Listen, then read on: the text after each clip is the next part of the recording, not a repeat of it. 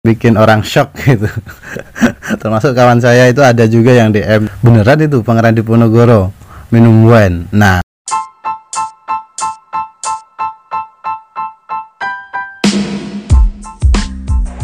Halo pendengar setiap podcast di mana pun kalian berada balik lagi bareng aku Ramadan MK podcast tanya sejarah. Uh, ya semoga kalian nggak nggak bosan ya dengerin podcast saya. Uh, aku mau ngobrolin atau bahas masalah kasus yang belakangan ini lagi rame. Soal Pangeran Diponegoro yang disebut minum wine. Itu mungkin banyak bikin orang shock gitu. Termasuk kawan saya itu ada juga yang DM beneran itu Pangeran Diponegoro minum wine? Nah makanya di podcast ini uh, aku ingin berbagi informasi itu sendiri jadi sebenarnya uh, aku sendiri nggak begitu kaget ketika baca artikel Tempo waktu itu yang menjadi pemicu polemik itu di media sosial. Karena yang berbicara waktu itu adalah Peter Carey. Uh, beliau adalah memang ya expertnya lah di bidang atau berbicara ketika berbicara tentang sosok Pangeran Diponegoro. Siapa sih sekarang di Indonesia ini yang sangat bisa fasih ber ngomongin atau bicara tentang Pangeran Diponegoro kalau bukan uh, Peter Carey itu sendiri. Kemudian banyak ya perspektif orang atau pandangan orang bahwa wah ini Peter Carey sengaja nih mau uh, ngejelek-jelekin nama Pangeran Diponegoro. Secara kan dia bukan orang Indonesia asli, dia adalah peneliti luar asing dari Inggris kan begitu. Hmm, ya itu masuk juga, masuk akal juga sih selama ini juga uh, memang ketika bicara sejarah Pangeran Diponegoro sumbernya itu hanya jalurnya cuma lewat satu. Jalurnya cuma satu lewat bang, lewat Peter Carey. Selebihnya nyaris gak ada sih. Ya karena memang uh, nyaris tidak ada satupun sarjana Indonesia itu yang konsisten dan istiqomah mengkaji Pangeran Diponegoro. Tidak ada. Jadi ya ya mau nggak mau kita mendapatkan perspektif sejarah dari peneliti asing. Ya tapi bagaimanapun uh, kita mesti ber, berterima kasih dengan Pangeran Diponegoro eh Pangeran Diponegoro. Kita mesti berterima kasih kepada Peter Carey karena bagaimanapun kalau tanpa ada Peter Carey mungkin ya Pangeran Diponegoro ya nggak akan terkuak sejarah-sejarahnya. Atau bahkan mungkin babat karya Pangeran Diponegoro babat Diponegoro itu kalau nggak ada Peter Carey sampai hari sampai hari ini mungkin belum diakui UNESCO sebagai warisan dunia. Nah, itulah. Jadi kita tetap bersyukur berterima kasih kepada Pak uh, Peter Carey yang telah menggali dan mengulik sosok Pangeran Diponegoro. Kembali lagi soal gaduh atau rame-rame kemarin di Twitter itu uh, ini sudah kemarin juga diklarifikasi ulang sama Peter Carey sih uh, kebetulan Kamis kemarin tanggal berapa ya? Tanggal 6 eh iya 16 April kemarin dia lagi ngobrol-ngobrol santai sih bincang-bincang santai dengan bincang-bincang santai. Bincang-bincang santai bareng Boni Triana yaitu pemerannya Historia. Nah di situ di dikupas lagi tuh disinggung lagi soal masalah uh, Pangeran Diponegoro disebut peminum wine. Dari obrolan itu aku mendapatkan kejelasan itu yang kemarin-kemarin kan sempat bertanya sih setelah rame rame artikel yang dimuat Tempo hasil wawancara uh, Tempo dengan Peter Carey yang sebenarnya itu bukan membahas soal when-nya sebenarnya dalam saya mau nge-review sedikit ini ya. Uh, jadi di artikel Tempo yang bikin gaduh itu wawancaranya itu sebenarnya fokusnya uh, membahas atau membahas mengulas keris yang dikembalikan dari pihak Belanda, kerisnya Pangeran Diponegoro yang dikembalikan ke Indonesia. Itu sebenarnya fokusnya. Cuma uh, Peter Carey di akhir obrolannya, di akhir wawancaranya dengan uh, Tempo waktu itu sempat nyinggung, Peter Carey nyinggung soal uh, salah satu kebiasaan Pangeran Diponegoro yang pernah minum wine. Jadi di situlah jadi ada satu paragraf itu satu paragraf. Nggak nggak satu paragraf satu kalimat itu. Satu kalimat itu yang kemudian bikin netizen 62 itu heboh banget itu di Twitter. Jadi di situ bermula dari situ. Jadi dari situ juga aku penasaran uh, apa sih sumber yang jadi rujukan Peter Carey untuk yang menyebutkan bahwa Pangeran Diponegoro adalah seorang peminum wine? Nah dari situ dijelaskan dari obrolan kemarin tuh Peter Carey nyebut menyebut sumber yang jadi rujukan adalah Book gitu.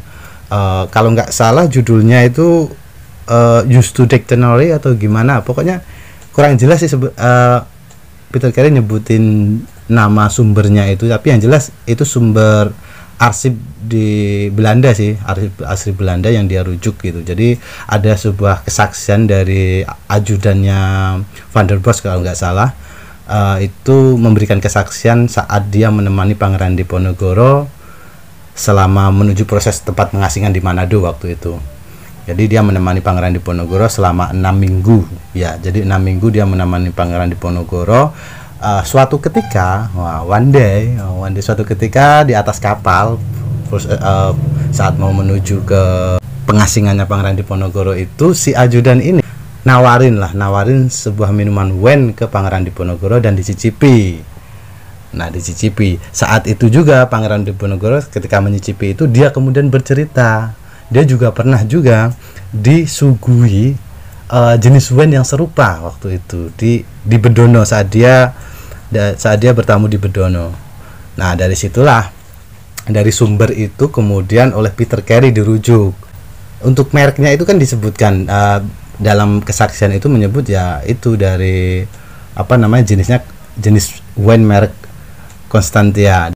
Ini statementnya dari Peter Carey kan nggak kaleng-kaleng kan artinya uh, dia bisa mempertanggungjawabkan dengan sumber arsip arsip di Belanda yang dia rujuk artinya ya memang di balik uh, Pangeran Diponegoro yang memang dia adalah seorang pangeran yang alim, taat beribadah, seorang tokoh revolusioner, seorang pemimpin karismatik, tapi ada sisi lain yang memang uh, ya ya itu kenyataannya bahwa Pangeran Diponegoro pernah minum wine. Jadi sebagai seorang pangeran dia tetap manusia biasa. Pangeran Diponegoro tetap manusia biasa.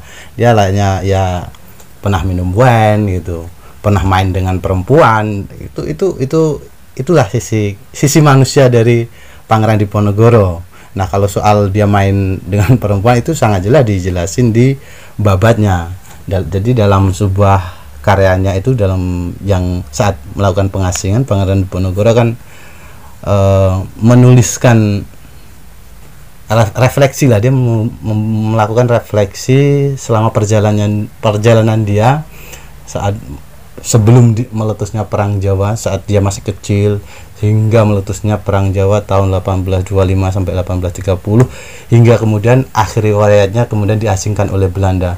Nah di situlah selama proses pengasingan dari Manado ke Makassar juga itu dia mencatat selama 6, 9 bulan kalau nggak salah itu dia mencatat seluruh kesaksian apa ya mencatatkan pengalamannya itu secara jujur di Babat Diponegoro. Teman-teman pendengar podcast bisa dengerin itu. Jadi banyak sekarang juga kalian bisa untuk mendapatkan Babat Diponegoro. Kalau pengen penasaran pengen tahu kalian bisa download juga banyak iBooknya sekarang di via digital itu banyak sekali.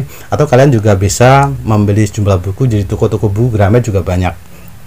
Nah kebetulan kemarin saya juga baca buku Pangeran Diponegoro yang babatnya ya babatnya itu tapi versi narasi. Jadi kalau kalau kalau jadi kalau kata Peter Carey itu ada dua, ada banyak versi sebenarnya. Yang paling pertama itu diterbitkan oleh di Solo waktu itu.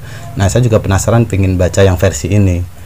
Karena setiap versi mungkin punya pemanaan atau penyampaian yang tergantung si penerjemahnya ya dalam dalam menerjemahkan uh, apa tulisan-tulisan Pangeran Diponegoro karena bagaimanapun bentuknya juga itu kan kayak tembang begitu itu kok ngelantur dari situ. Jadi kembali lagi itu adalah soal sisi lain dari Pangeran Diponegoro. Ya itu salah satunya dia ketika suka main perempuan itu juga dijelasin di situ. Itu pendengar setiap podcast. Jadi dari kasus polemik kemarin itu kita bisa belajar banyak hal sebenarnya. Bahwa bagaimanapun sejarah itu ketika kita melihat sosok sosok pahlawan. Pahlawan. Dia tetap manusia begitu. Ada sisi manusia. Dia suka ada perempuan suka minum wine. Jadi ada kebiasaan lain juga selain Pangeran Diponegoro selain itu. Jadi bukan hal yang sesuatu yang negatif saja. Ada sisi positif misalkan Pangeran Diponegoro ini sosok yang sangat menggemari karya-karya klasik karya-karya sastra klasik Jawa lah di situ. Wah dia sangat kolektor.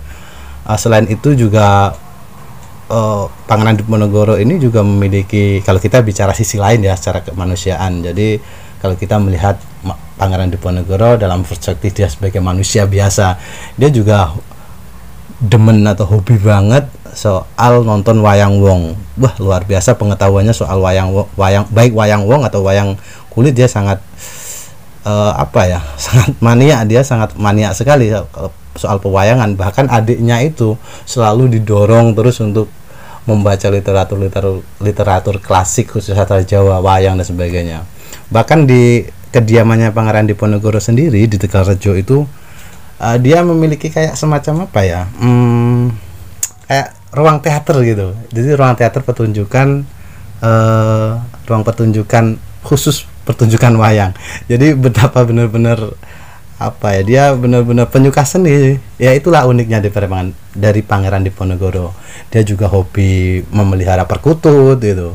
Dia juga hobi uh, apa namanya bercocok tanam. Dia membuka ladang sedikit lah di samping rumahnya itu juga untuk bercocok tanam. Jadi itu sisi-sisi lain dari Pangeran Diponegoro yang mungkin banyak tidak diketahui. Jadi selama ini Pangeran Diponegoro ya hanya dikenal dia adalah seorang pahlawan yang religius yang taat beribadah.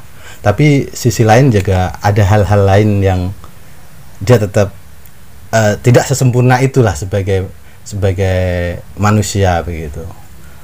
Ada sisi-sisi yang ya itu manusiawi menurut saya. Artinya kita tidak perlu kita harus menerima kenyataan sejarah fakta sejarah dengan dengan sangat lapang dada. Toh itu semua tidak mengurangi esensi dari perjuangan Pangeran Diponegoro. Tetap dia menjadi pahlawan nasional bahwa perlawanan dia terhadap dalam merespon revolusi Prancis waktu revolusi industri waktu itu dia hanya satu-satunya orang Jawa yang pemikirannya nyampe jauh untuk membendung gerakan revolu dampak revolusi industri waktu itu sehingga dia harus menghentikan menghentikan gerakan Belanda dia memiliki pandangan yang jauh lebih ke depan. Dia memiliki prinsip berwawasan luas. Yang jelas dia berdaulat pada dirinya. Itu yang penting dari Pangeran Diponegoro. Jadi soal kemudian ada fakta baru Pangeran Diponegoro ternyata minum wine ya is no problem gitu. Itu fakta sejarah yang kita harus terima begitu. Bahwa Pangeran Diponegoro bukanlah seorang nabi yang dia tidak tidak lepas dari dosa gitu. Dia bukan nabi bukan malaikat lah begitu. Dia tetap manusia seperti kita cuma dia adalah manusia pilihan yang memang uh, untuk menyelamatkan tanah Jawa. Jadi itu aja pendengar podcast tanya sejarah.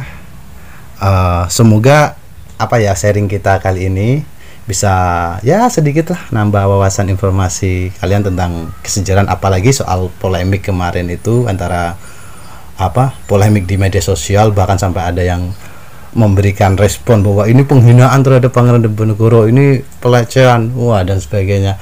Uh, jadi semoga ini bisa memberikan atau sedikit apa ya bisa menambah wawasan lah agar kita tidak terlalu tidak terlalu kaku dalam melihat fakta sejarah begitu. Bagaimanapun bagaimanapun sejarah itu adalah sesuatu masa lampau yang perlu kita ambil ibrohnya begitu spiritnya untuk uh, kita jadikan atau kita jadikan pijakan untuk maju ke masa depan. Oke demikian itu saja. Demikian podcast tanya sejarah hari ini. Sampai jumpa di podcast podcast tanya sejarah dengan tema yang berbeda selanjutnya. Oke see you